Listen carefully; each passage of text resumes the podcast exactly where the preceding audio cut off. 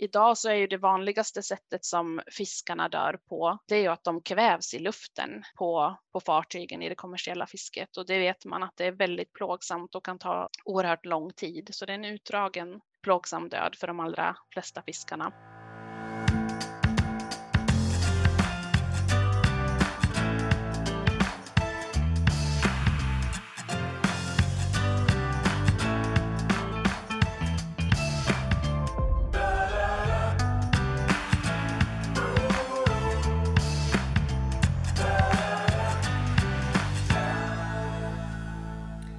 Idag hörni, idag ska vi prata om de djuren som är flest och har det sämst.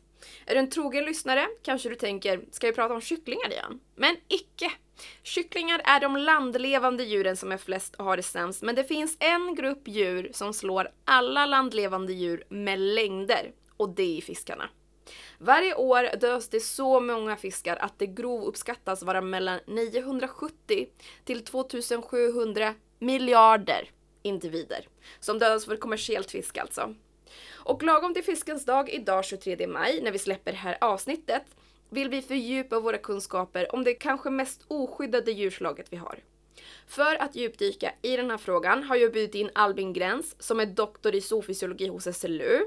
Där han arbetar med forskning om fiskars välfärd i fiskodlingar som vi kommer att prata eh, mycket mer om. Men för att få en introduktion av fiskarnas värld tänkte jag inleda avsnittet med Djurens Rätts egna etolog Linda Björklund.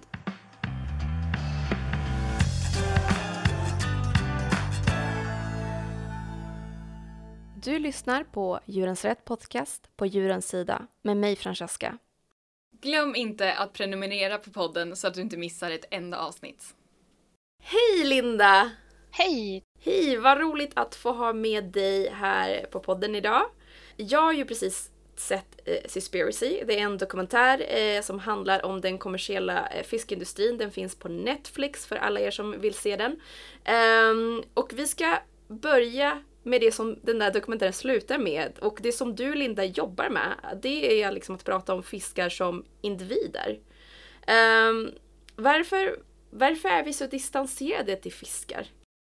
Ja, jag tror att det beror på, på flera saker. Dels så eh, ser vi sällan fiskarna. De lever eh, under vattenytan, nästan som i en eh, annan värld än vad vi lever i.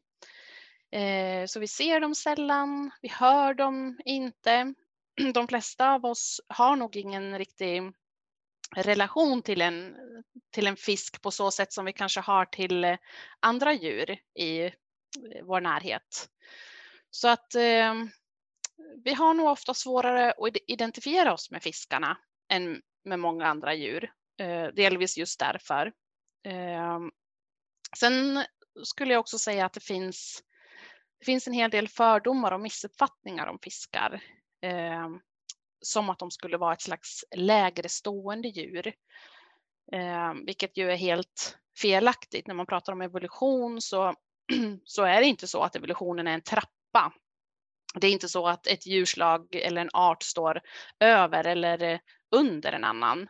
Utan eh, en djurarts förmågor och beteenden och behov, de är anpassade efter den miljön som, eh, som arten har levt i och utvecklats i. Så, att, eh, så, så, kan man inte säga, men det finns nog, det lever nog ändå kvar en, en sån eh, felaktig bild, tyvärr, tror jag. Mm.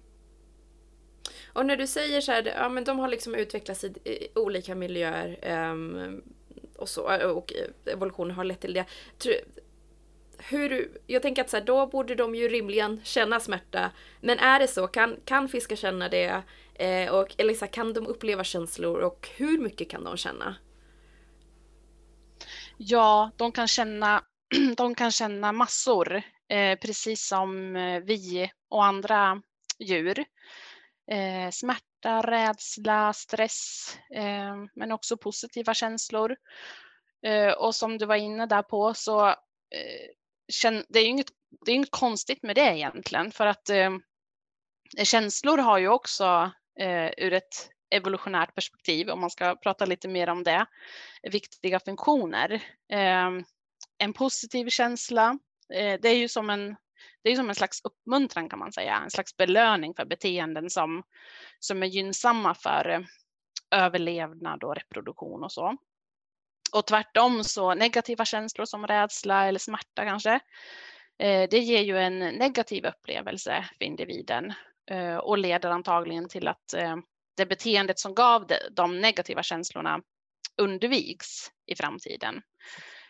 Så det, det är inget konstigt eh, med att fiskar känner precis som vi och andra djur. Man har ju också studerat det här väldigt mycket och jag skulle säga att det är väldigt klarlagt att det är så. Fiskar kan känna och uppleva Eh, smärta, rädsla, stress. Eh, sen kan de ju känna en massa mer också. De har ju till exempel de har ju det här viktiga sinnet, sidolinjeorganet, eh, som inte vi har. Och det, det, är ett organ som gör att eh, fisken känner av strömningar och så i vattnet som är viktigt för dem. Eh Eh, ja, eftersom de lever i vattnet. Eh, en del, en del säger att, att den här sidolinjen kanske är för fiskarna vad ögonen är för oss människor. Så viktigt sinne hos fiskarna. Och sen vet man också att eh, många fiskar är väldigt sociala. När, när, vi pratar om fiskar så måste man ju också säga att det finns ju över 30 000 olika arter av fiskar. Så att de, de, är ju, de har eh, de har egenskaper som är eh, gemensamma för de här olika arterna, men de har ju också många Eh, egenskaper som är mer artspecifika. Så det är lite så generellt. Exakt, man pratar om fiskar som en så gruppslag. Liksom. Ja, precis. Precis, men de är inte, de är inte helt lika varann heller eftersom de är så många olika arter. Men många kommunicerar mycket med varann, leker, samarbetar, en del tar hand om sina ungar och en del använder redskap, eh, till exempel eh, finns det en cyklid och en pansarmal som lägger ägg på blad eh, och så flyttar de sedan de här bladen till, de kan flytta dem till säkrare platser och så. Det finns också fiskar som använder stenar för att öppna musslor, alltså som redskap. Eh, och man vet också att fiskar har eh, Många fiskarter har bra minne, långtidsminne. Det är ju en myt det här att eh, man säger att man har minne som en guldfisk. Ja. Det är inget annat än en myt. Ja, vi hade ju faktiskt ställt frågan till våra så följare, så här, vad, vad, har ni för frågor? Och det var ju en, en av frågorna som kom in var det här, har de verkligen dåligt minne? Just det, nej men det har de inte. Eh, de, de, många fiskarter har eh, väldigt bra långtidsminne eh, och det här med guldfisken som sagt, det är bara, det är bara en myt. De kan också lära sig av varandra, ehm, tänka logiskt, lösa olika problem. Ehm, och många fiskar lever ju i stora sociala grupper eh, men känner ändå igen många individer i det här stimmet som för, för oss ser ut som många exakt likadana individer men för dem, för fiskarna är de inte det. Nej, så att man vet, eh, man vet ganska mycket om, om, om fiskar nu, även om det såklart finns massor som vi inte vet eftersom mm. de är så många olika också. Ja. Arter. Men då låter det ju också som att det, det borde vara problematiskt att vi fiskar dem eh, och sättet vi fiskar dem på. Eh, och jag vet ju såklart att vi på Djurens Rätt jobbar ju med att förbättra situationen för fiskarna. Men vad, vad är det, eh, hur, hur ser det arbetet ut? Ja, en, en viktig del av vårt arbete, det handlar ju just om det här som vi gör just nu kan man säga. Att vi pratar om fiskar, vi informerar, eh, berättar om, om fiskar som eh, kännande individer. Eh, för att vi vill ju öka medvetandet eh, hos allmänheten om fiskar och om fiskarnas situation. Eh, så det är en jätte eh, det är en jätteviktig del av vårt arbete när det gäller fiskarna. Eh, men sen har vi ju också, eh, vi utför ju vårt eh, påverkansarbete eh, mot politiker, myndigheter andra makthavare, företag och så för att få dem att ta beslut som är positiva för fiskarna.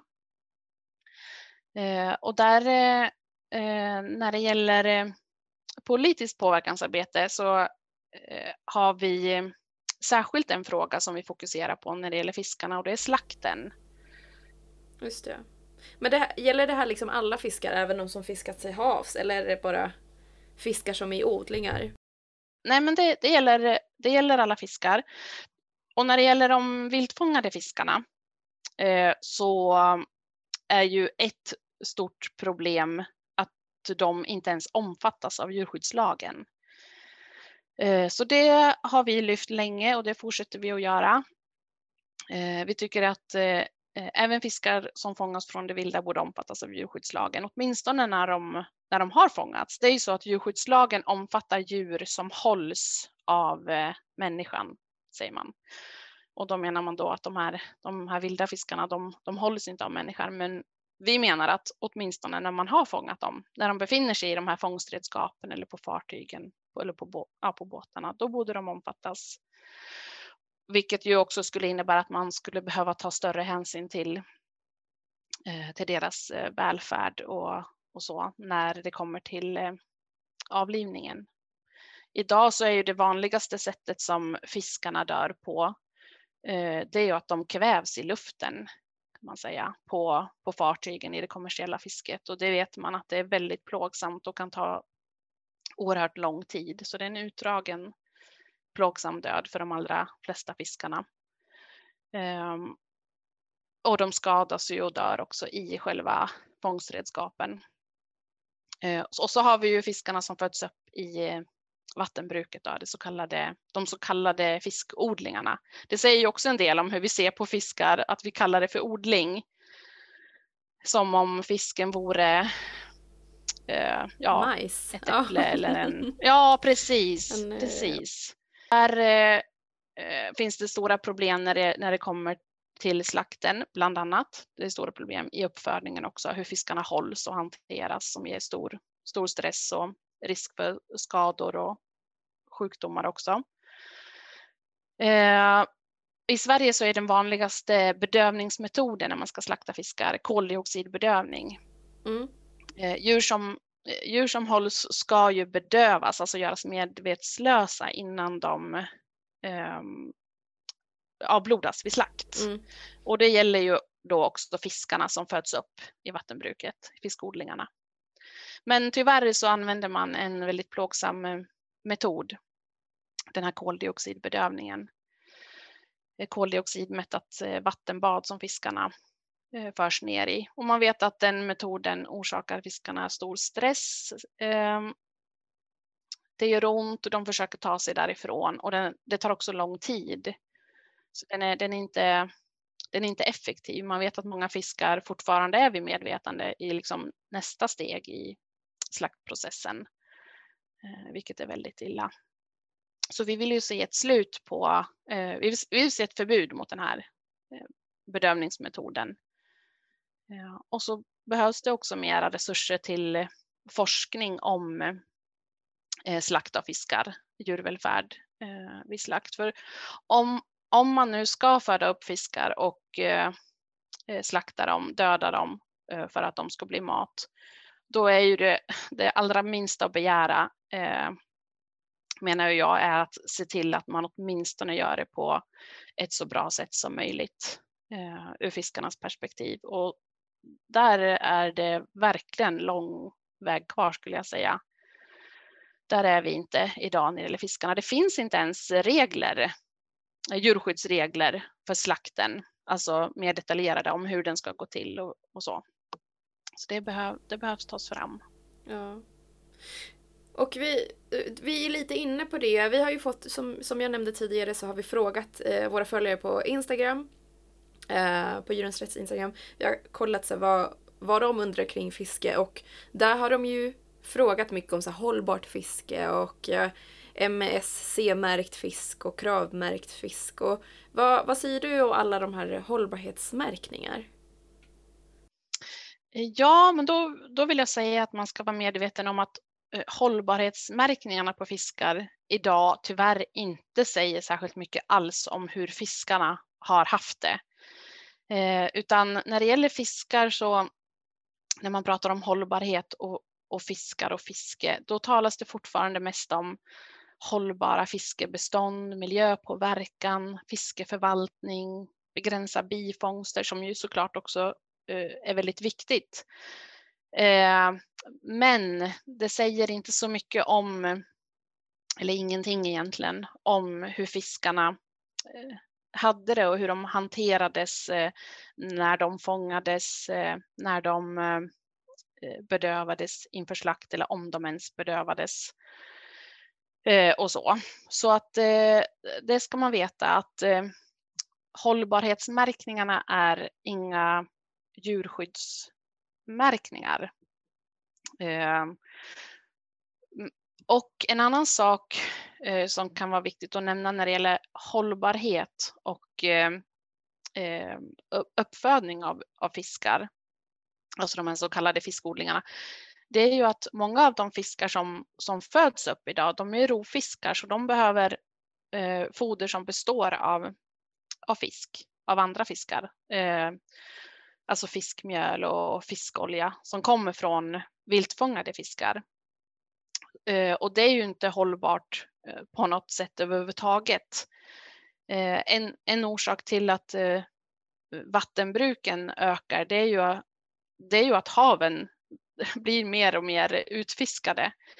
Men att, att då eh, ha vattenbruk som är beroende av eh, fiske från det vilda för att göra foder till de här fiskarna som man föder upp. Alltså vattenbruket bidrar också till utfiskning och till eh, att oerhört många eh, fler individer också får sätta livet till ju för att bli foder eh, till fiskarna i vattenbruket. Eh, det finns, jag ska nämna något eh, exempel på eh, liksom en början ändå och det att Krav har en skrivning i sina regler om fiske som handlar om eh, bedövning av fiskar ombord, alltså vid kommersiellt fiske. Ja, okej. Alltså ute till havs då, eller? Ja, ute till havs, ja precis. Att eh, fartyg som är längre än eh, 24 meter ska ha möjlighet att använda en bedövningsmetod ombord. Men den här som den är skriven idag så är det, jag skulle säga att det är mer som en rekommendation för den är liksom inte bindande. Om man inte har den möjligheten så kan man eh, förklara det för certifieringsorganet eller göra en plan för att när det ska tas i drift eller så. Så det är, det är liksom inte framme än, men det visar ändå på att ja, det är ändå, det är ändå en början, men det finns inga sådana krav än. Nej, exakt.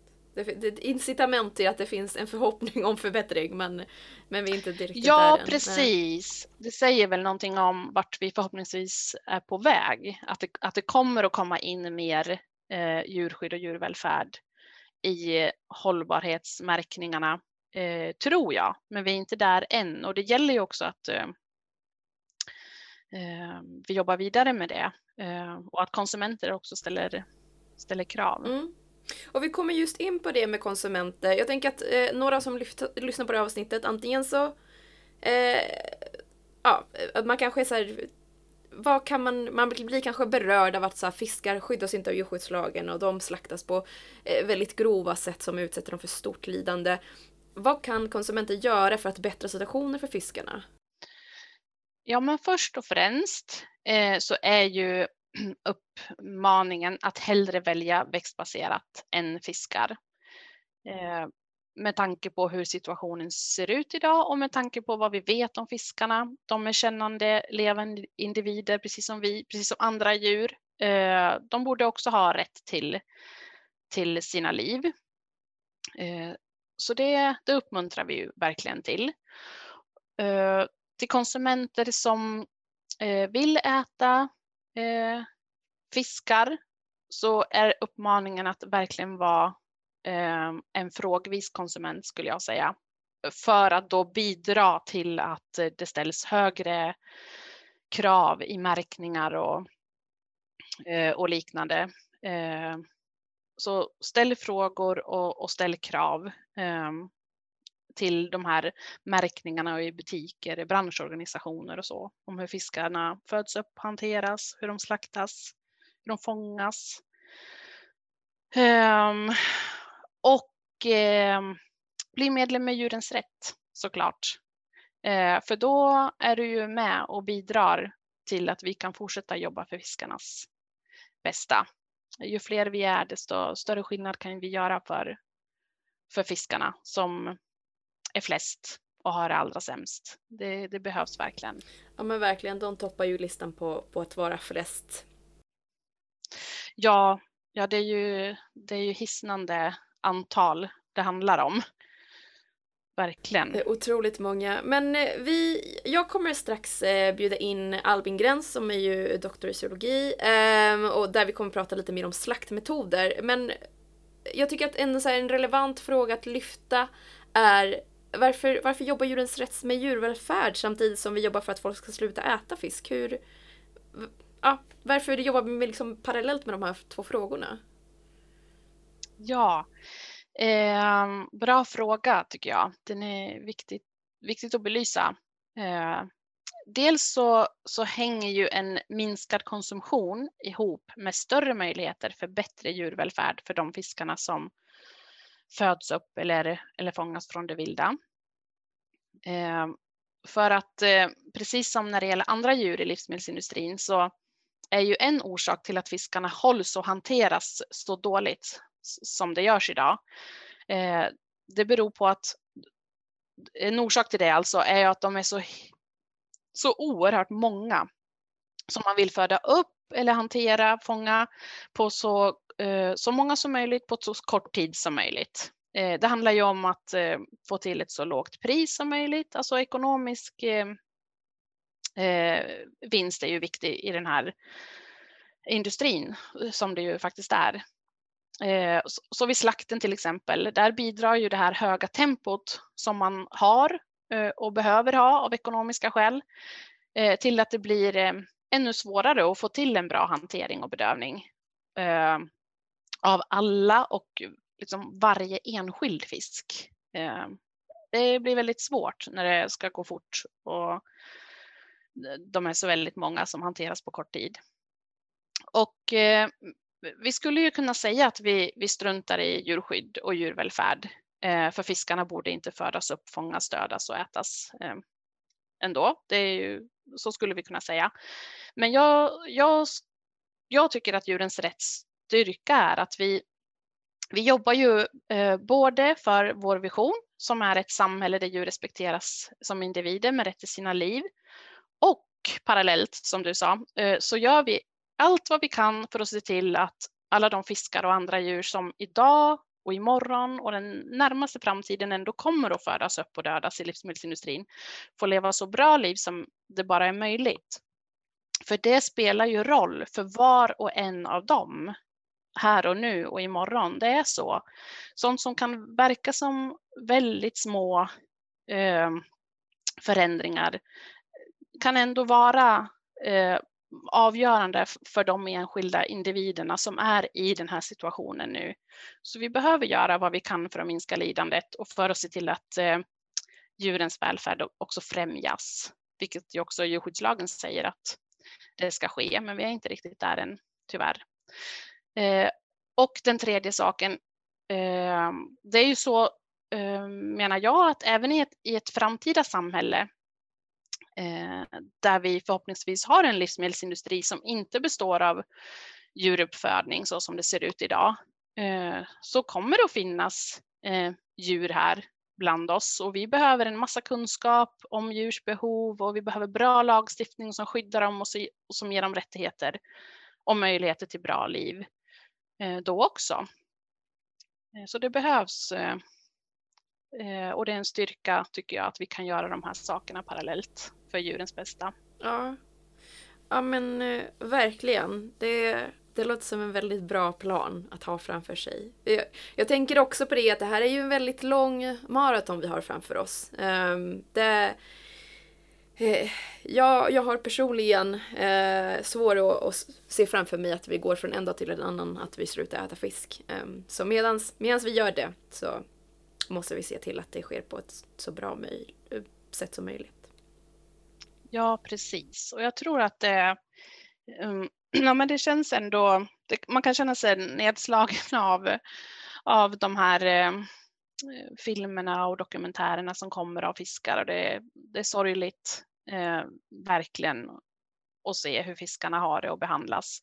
Men det positiva är i det är ju att, att det sker överhuvudtaget. Vi ser att, vi ser att medvetandet ökar och man, man talar oftare om fiskar också när man talar om andra djur eh, och djurskydd och djurvälfärd och det är verkligen det är verkligen positivt. Vi får ta med oss, med, med, det, med det får vi avrunda, eh, för vi ska strax prata med Albin här. Men, men jag tänker att vi får ta med oss det, det hoppet om att vi är på eh, väg någonstans bättre och att fiskans situation blir bättre. Eh, och att de får ganska mycket uppmärksamhet just nu. Eh, och det är otroligt viktigt eh, för att vi ska kunna förändra vårt beteende. Så tack Linda för att du var med. Eh, det var väldigt lärorikt eh, och jag hoppas att vi hörs snart igen. Ja, det gör jag med. Tack så jättemycket.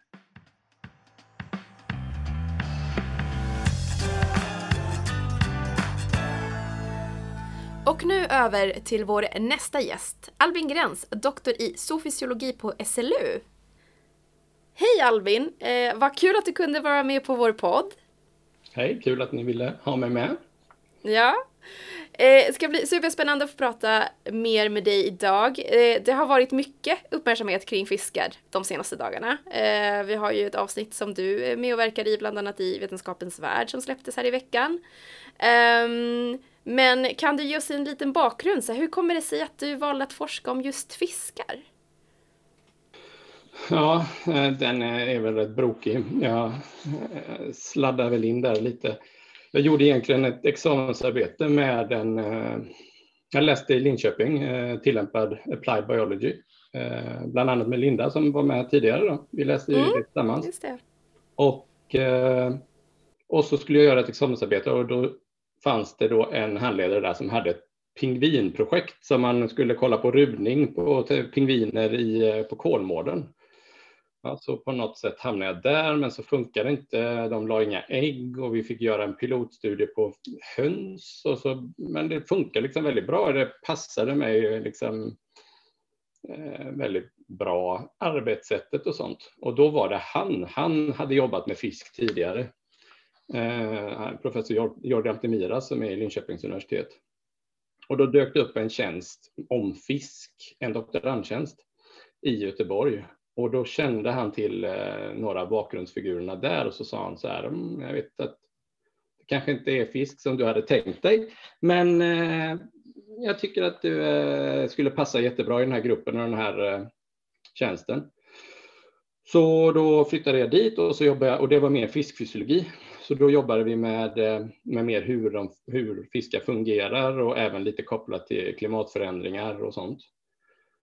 Och eh, efter där, när jag blev klar med den doktorandtjänsten, så eh, det var först då jag började jobba kanske mer mot industri, mot viltfångad och, och akvakultur.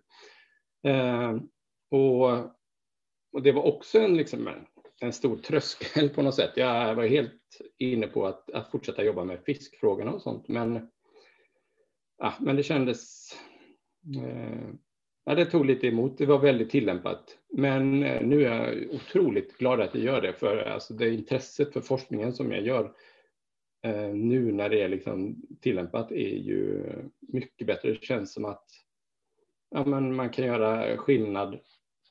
Alla väntar på resultaten. Så det är otroligt spännande tider och det vi gör just nu. Ja, men vad roligt, alltså, du har ju då läst fisk, eh, fysiologi. Eh, jag tänker, jag slänger in en sån här, eh, vi frågade våra följare vad de ville veta och lära sig om fiskar och vi fick högt och lågt jättemånga frågor. Men en fråga som jag tyckte var lite rolig var så här, kan fiskar se färger? Vet du något om det? Ja, eh, eh, det kan de, men det är också nu, nu, är det det här generella 35 000 arter och de är otroligt olika. Och vissa har ju liksom inga, nästan ingen användning av färgseende alls som lever liksom, eh, i djuphaven och sånt. Men i alla fall inte alla. Men, men det finns allt från att se hela spektrumet till mer än vad vi ser till att se till mycket mindre. Så ja. Ja, vad spännande. Ja, men det var, det var en liten eh, off-spår. Mm. Eh, men du var ju inne på det här med att ja, men det, din forskning kommer verkligen så till, eh, till nytta. Den, den appliceras eh, väldigt snabbt och det är väldigt många som undrar eh, hur det är med fiskarna. Upplever du att djurvälfärden för fiskar är en fråga som tas på allvar idag och har du sett en utveckling under den tiden som du har varit verksam? Eh, ja, om, man, om man kollar på eh, hos de uppfödarna som jag träffar, de har ju på något sätt de har förstått vikten av, av den goda djurvälfärden sedan länge och jobbat för det. Men, eh, och även att intresset där har ökat mycket och de har, det har också blivit mycket mer öppnare för av samarbeten och att vi eh, kommer att, att jobba med dem och hos dem. Eh, men kanske framför allt då från samhället och på eh, ja, eh, inom SLU där jag är, den delen där jag, den som framförallt jobbar med, med djurvälfärd, där fanns det ju nästan ingen fiskdel alls. Och, och nu har vi en grupp och det är liksom ett intresse som, ja men man har inkluderat fisk i liksom bland de andra produktionsdjuren på ett sätt. Och för några år sedan var jag på Formas eh, när de presenterade den nya djurskyddsutlysningen och då var det liksom inte ett ord om fisk. Och så har vi jobbat med det och så nu i den senaste utlysningen så hade de med en, ett stycke med, som inkluderar problemen med fisk. Liksom det hände saker hela tiden. Verkligen. Mm. Ja, det finns eh, mycket utvecklingspotential kan man ju säga. Mm. Ja, ja, det gör det ju. Ja. Och det är fortfarande så att det glöms bort i många sammanhang. Eh, ja, men det, det skulle jag tro. Jag eh, inledde ju det här avsnittet med att prata med Linda som du nämnde, eh, som är vår egen etolog och eh, vi pratade lite grann om Seaspiracy. Och i den dokumentären så pratar de om att så här, men hållbart fiske, det är svårt att kontrollera, eller den lyftes egentligen som så här, obefintlig. Eh, men vad skulle du säga så här, hållbar fiske som tar hänsyn till djurvälfärd, är det någonting som man kan hitta idag på dagens marknad? Eh, nästan inte.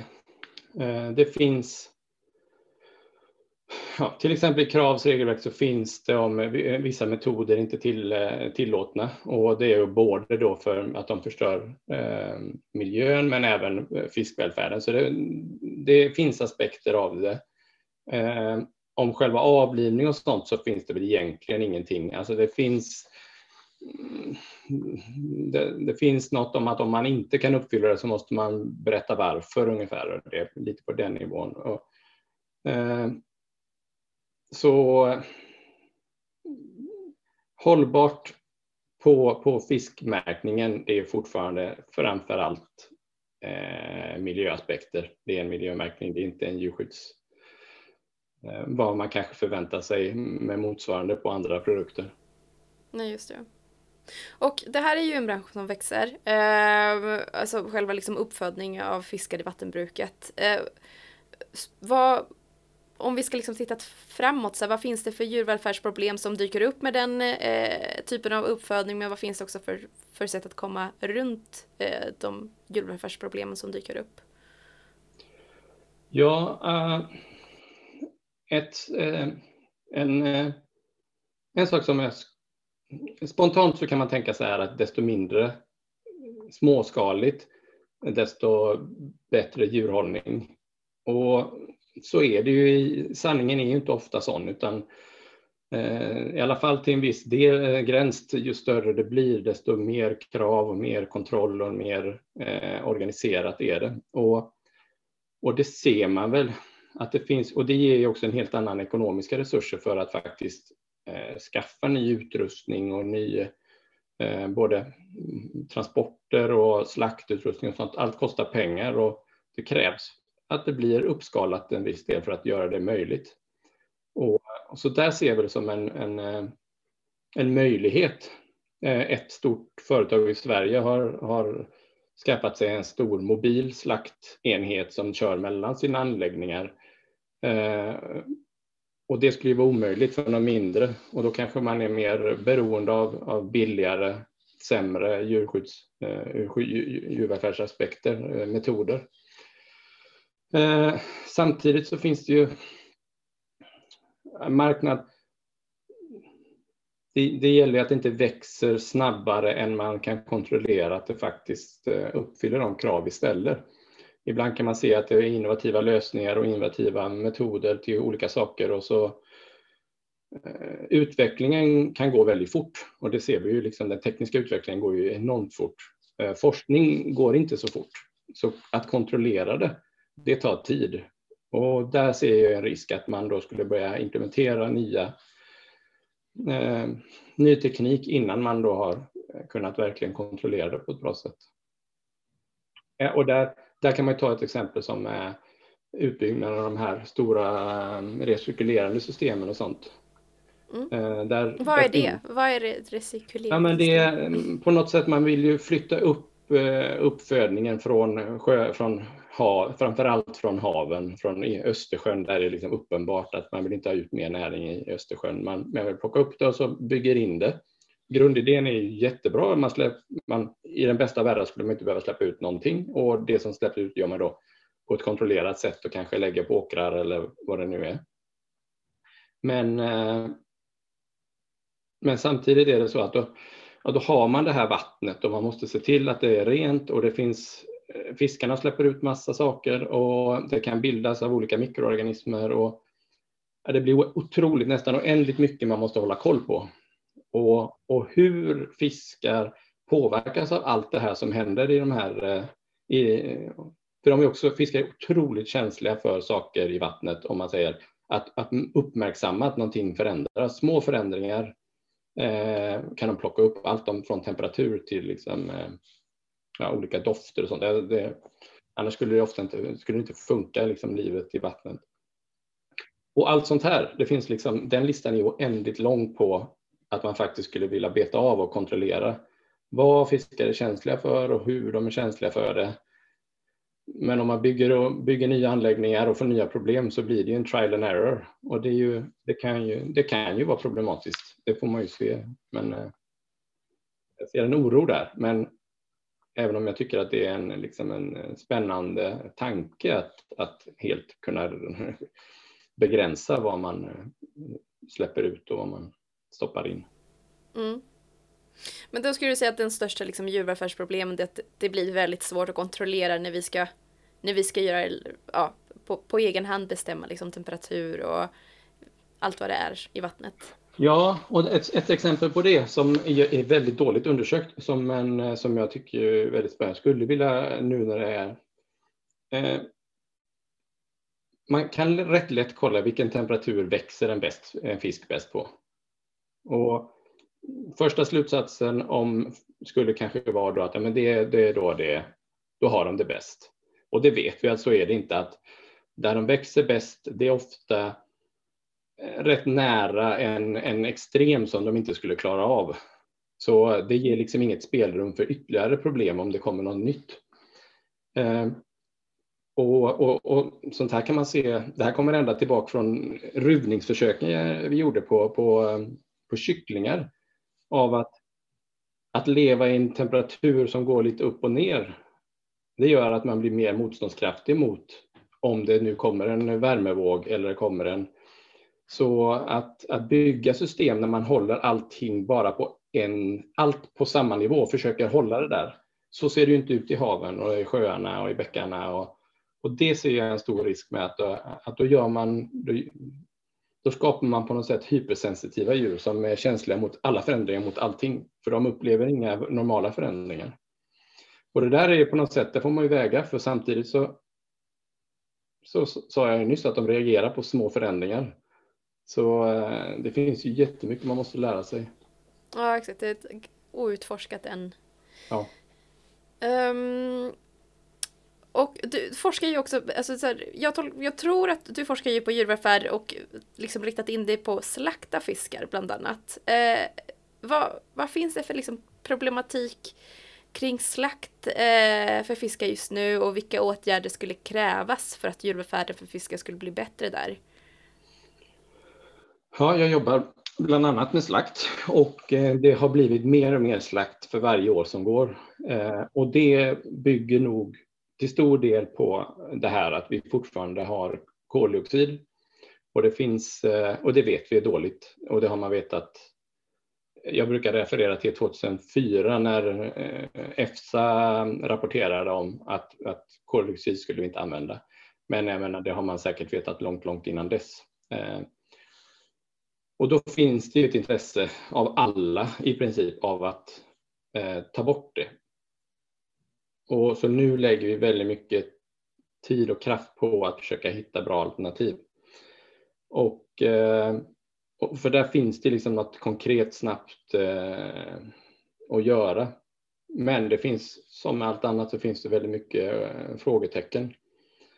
Och om man ser på då, Norge valde att direkt eh, säga stopp på koldioxid och så har man då gått över till vissa alternativ och försöker förbättra dem under tidens gång. Eh, medan kanske då, om jag får gissa hur, hur den svenska myndigheten har resonerat, så var väl deras tanke istället kanske något sätt att få lite mer svart på vitt av att någonting är ett bra alternativ och då byter vi. Och nu står man där och väntar och ja, risken är att man att man fortsätter med något dåligt för att man, man inte tycker man har något bättre. Men det bättre kanske är bättre än det dåliga. Alltså det, det jag, jag, jag, vill inte säga vem, vems strategi som är rätt, men jag menar, det, det finns ju värden i båda. Mm. Och vilka, vilka metoder, dels skulle jag vilja så här, eh, veta hur funkar koldioxidbedövning men sen också vilka typer av alternativ, alternativa metoder finns det? Vad, vad har potential till att bli? Eh... Eh, koldioxiden fungerar, den är väldigt enkel. Man eh, bubblar vatten med, med koldioxid, helst så, så att det blir så mättat som möjligt. Och sen flyttar man, släpper man i fisken där och då då hur mycket det är bedövande effekt från början eller om det är en, men tanken är då att, att de ska slås ut av koldioxiden så fort som möjligt. Eh, det här tar en, en stund. Man, man, när man pratar om bedövningsmetoder så vill man ju ha någonting. Om det inte är momentant att, att djuret direkt blir medvetslöst så ska det ju inte vara, ha negativa påverkan under den tiden innan de blir medvetslösa.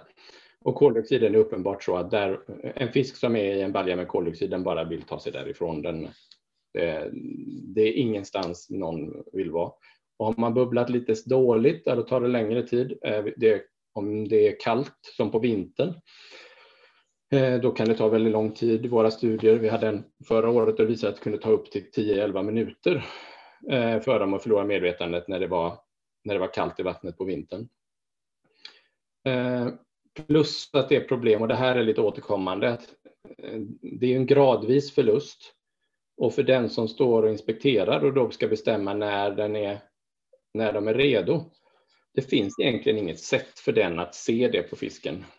För den börjar liksom förlora eh, alla tecken och vår forskning tyder på att det fortfarande är, den, den svarar i alla fall på omgivningen fortfarande, så den är fortfarande känslig för, för stimuli, vilket gör det på så sätt hade det varit mycket bättre då med en metod som, man, som gjorde det fort och det gjorde det eller inte gjorde det på något sätt eh, eh, hade effekten.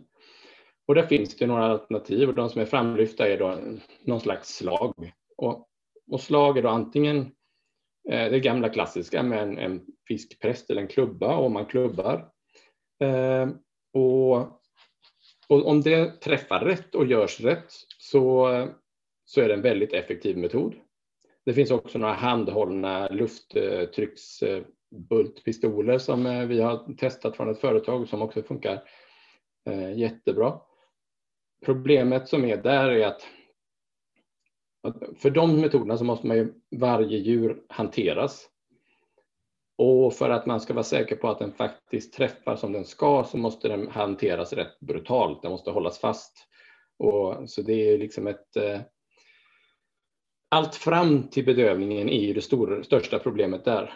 Och på något sätt, ju, ju hårdare hanteringen är, desto effektivare och desto mindre missar blir det i bedövningen. På något sätt går de där två mot varandra lite. Och man har även sett när man har försökt göra automatiska system för det här, eh, då är de väldigt beroende av att fisken är precis samma form, de får inte vara för liksom, kutryggiga, de måste vara ungefär samma storlek. Och, så, Just det, för... det, var, det var det jag tänkte fråga, det låter som att det skulle vara väldigt tidskrävande och med att det är så himla många individer som, som går Ja, åt. och då har man försökt att bygga system som då ska göra det automatiskt. Och och även om alltså så här, sorteringar, ofta är det någon kanske manuell sortering, men även så här robotjusteringar och sånt, det, de är väldigt effektiva nu. Men det, där de ska sorteras till, det, måste, det funkar fortfarande bara riktigt bra om de är väldigt jämnstora och jämna i formen. Och, eh, så det finns, eh, även om metoden är väldigt effektiv, så så finns det stora eh, problem om det är stor variation. Eh, plus det du är inne på, att det är så, ändå så pass tidskrävande att göra det för varje fisk. Och eh, kostnadsmässigt så ju mindre fisken blir eller värdet i sig på något sätt, eh, till slut så blir det liksom inte hanterbart. Om man tar extremerna, så att göra det för 5 kilos lax ja, även om det är stora volymer så, så kanske det finns liksom ekonomi för att göra det. Och göra det för sill på en fiskebåt, nej, det, det, där är det inte. Och det andra alternativet då som man eh, använder en hel del av i äh, framförallt kanske i laxindustrin och nu i, i regnbåge i Sverige också eh, är elektrisk bedövning. Och det kan man göra på lite olika sätt. Det gamla sättet var på något sätt att man hade en, en balja och så körde man ström genom all, hela baljan. Ja, man väl insett att det är, ja, det är svårt att få det att funka så. Ju längre det är mellan elektroderna desto det, det förloras väldigt mycket effekt. Så då finns det kanske antingen så bygger man in det i pumparna så att när fisken går, förbi, går i ett rör så blir den bedövad på vägen. Eh, eller också så eh, gör man det, det finns torrsystem som man mer eller mindre är säker på att båda elektroderna är i kontakt med djuret. Då vet man exakt mer vad det får och det är så det kanske funkar på andra djurslag. Eh, och, och här kanske de stor, den största eh, möjligheterna finns. Med, till, speciellt i stor skala med små, med små djur. Eh, men det, det, är fortfarande, det finns, det är mycket som man inte, som man inte vet. Och eh, vi vet att, eh, att det är problem där också. Att, mm, att man kan få djur som blir elektroimmobiliserade så att de blir paralyserade men inte de kan fortfarande svara om vi tittar på aktiviteten. När, så att försäkra sig om att det verkligen har den effekten det har. Och, och, det måste man nästan göra, forskare tillsammans med utvecklare. Och den, det samarbetet, den kopplingen har inte funnits. Eh, men ja, förhoppningsvis så kommer det. Men, så där ser jag väl ändå att det storskaliga, av de alternativ som jag har sett, eh, så är det nog ändå där ditåt eh, de största möjligheterna finns. Och vi är ju lite inne på det om att så här, men det är otroligt många eh, individer. Eh, jag har hört lite olika siffror. Jag har sett eh, en, en siffra som, som grovuppskattade till att det var mellan 970 till 2700 miljarder individer. Eh, men det är väl vad jag förstår ingen som riktigt vet. 970 till 2700 miljarder. 2700 miljarder är väl eh, fish count-siffran ja. Eh, som de har. Och, eh, och det är vildfisk. Mm. Ja. Just ja. Det är inte de här eh, vattenbruk är inte inräknade i dessa? Mm, jo, men, så, men det är allt. Okej. Okay. Den, den siffran är allt. Men, men, och anledningen till att det är så osäkert är ju det här att inte ens inom vattenbruket så, så rapporterar man individer. I, utan man, det är ton och kilon och då, så de siffrorna när jag presenterar av hur många individer som vi har bara i svenskt vattenbruk, det är egentligen bara omräkningar från hur många ton som de rapporterar att de slaktar till hur stora deras slaktvikter är. Så det är väldigt grovt uppskattat. Ja, det, det är ju också en ganska stor spann tänker jag, mellan 970 till 2700. Ja, ja en, verkligen. En väldigt stor eh, spann. Men, men vi är ju inne på det, de är väldigt många, det blir svårt liksom att Ja men eh, det finns uppenbarligen många utmaningar kring slakten. Um, men jag tänker så här, en fråga jag nästan är rädd att ställa. Tror du att vi kommer äta mer fisk i framtiden eller tror du att vi kommer behöva minska vår, vårt intag? Eh, jag tror att vi kanske kommer att äta färre fiskar. För det är ju inte hållbart att eh, ha ihjäl 2,7 tusen miljarder per år. Eh, så jag tror att eh, all den eh, men kilomässigt så vet jag inte om vi kommer att äta mindre. Så, eh, och det finns ju initiativ liksom på att, att försöka föda upp.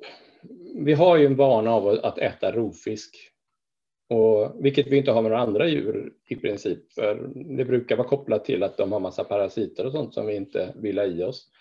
Men med fisk så på något sätt är det mer eh, rovfisk. Och speciellt inom vattenbruket i Europa så är det ju dominerat av, av olika rovfiskar.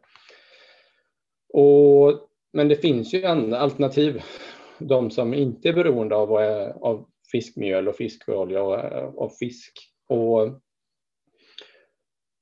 och jag tror, alltså det finns mycket så här snack om att eh, ja, men, mm, konsumenterna är inte öppna för det än. Och den, jag tycker den är lite konstig. För, till exempel för var det tio år sedan något så började de sälja den här hajmal eller vad det är, Pangasius eh, började dyka upp, en, en sydostasiatisk eh, art. Helt plötsligt köpte alla den och det var väl för att det var en prisbild eh, som var. Det var en vit fisk som och, och, de har, och sen visade det sig vara jättemycket problem med den uppfödningen med, med antibiotikaanvändning och sånt, så nu finns det ju inte i affärerna längre. Eh, men det har också dykt upp massa andra alternativ eh, som, som inte fanns i fiskfiskarna som mina föräldrar aldrig hört talas om. Eh, med eh, Alaska pollock och sådana här grejer. Så alltså att folk på något sätt inte då mm, kan byta. Det tror jag inte riktigt på. Vi är liksom, svenskarna är ju outstanding på att vilja prova nya saker. Så där, där eh, ja. Och, och även om då, då, de som fortsätter, om man ska fortsätta odla, föda upp eh, till exempel då eh, lax och dem, så finns det ju det finns ju en hel del forskningsprojekt och sånt som visar på alternativ, att, att man som inte behöver ha så mycket fiskmjöl och så mycket fiskolja. Eh, och vissa av dem verkar funka väldigt bra. Men problemet fortfarande är att eh, det är så mycket dyrare än den här eh, viltfångade fisken. Och så länge det är så, ja, och, och jag, min gissning är att det kan inte vara så, det kan inte vara så så länge till. Ja, eh, men det, det var nog allt vi hade för idag. Eh, om, om det är någon som sitter där ute och tänker så här, hur kan jag förbättra djurvälfärden för fiskarna? Vad skulle du tipsa dem att göra? Bara liksom att, eh, att visa intresse. Att fråga vart fisken kommer ifrån. Om det är Eh, i, i, om man ska köpa fisk. Att, att lägga, om man ska äta fisk så kanske lägga lite mer pengar på det och se till att det är för, eh, åtminstone miljömärkt. Och, eh, så att man faktiskt ja, men visar intresse. Jag tror den här eh, portionsblocks eh, frysta försäljningen av, av lax Eh, det är liksom inte den vägen att gå, utan det är nog mer på något sätt att det skulle vara att man vet exakt vad det kommer och vad, och vad de, och man efterfrågar eh, liksom god kvalitet, för vi vet också att god kvalitet är kopplat till god eh, djurvälfärd med, med mycket det. Så ja, fråga. Fråga mer. Var Ja. mer frågvis. Ja men tack Albin för att du var med på podden och eh, vi kommer säkert få höra mycket mer om dig och din forskning framöver. Ja, tack för att jag fick vara med.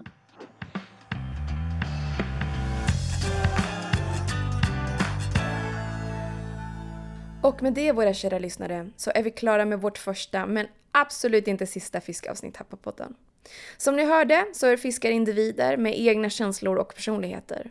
Och eh, de lider, var och en av dem, när de hanteras av oss människor vid fiske. Dessutom står de mer eller mindre helt oskyddade. Men flera initiativ är på gång för att förbättra djurvälfärden för fiskarna. Och vill du göra en insats redan idag så kan vi summera det som att du kan minska din konsumtion av fisk och vara en frågvis konsument. Eller så kan du kanske allra helst utesluta det helt och hållet. Och givetvis kan du vara med och stötta vårt arbete genom att bli medlem på djurensrätt.se medlem. Ha det fint och vi hörs!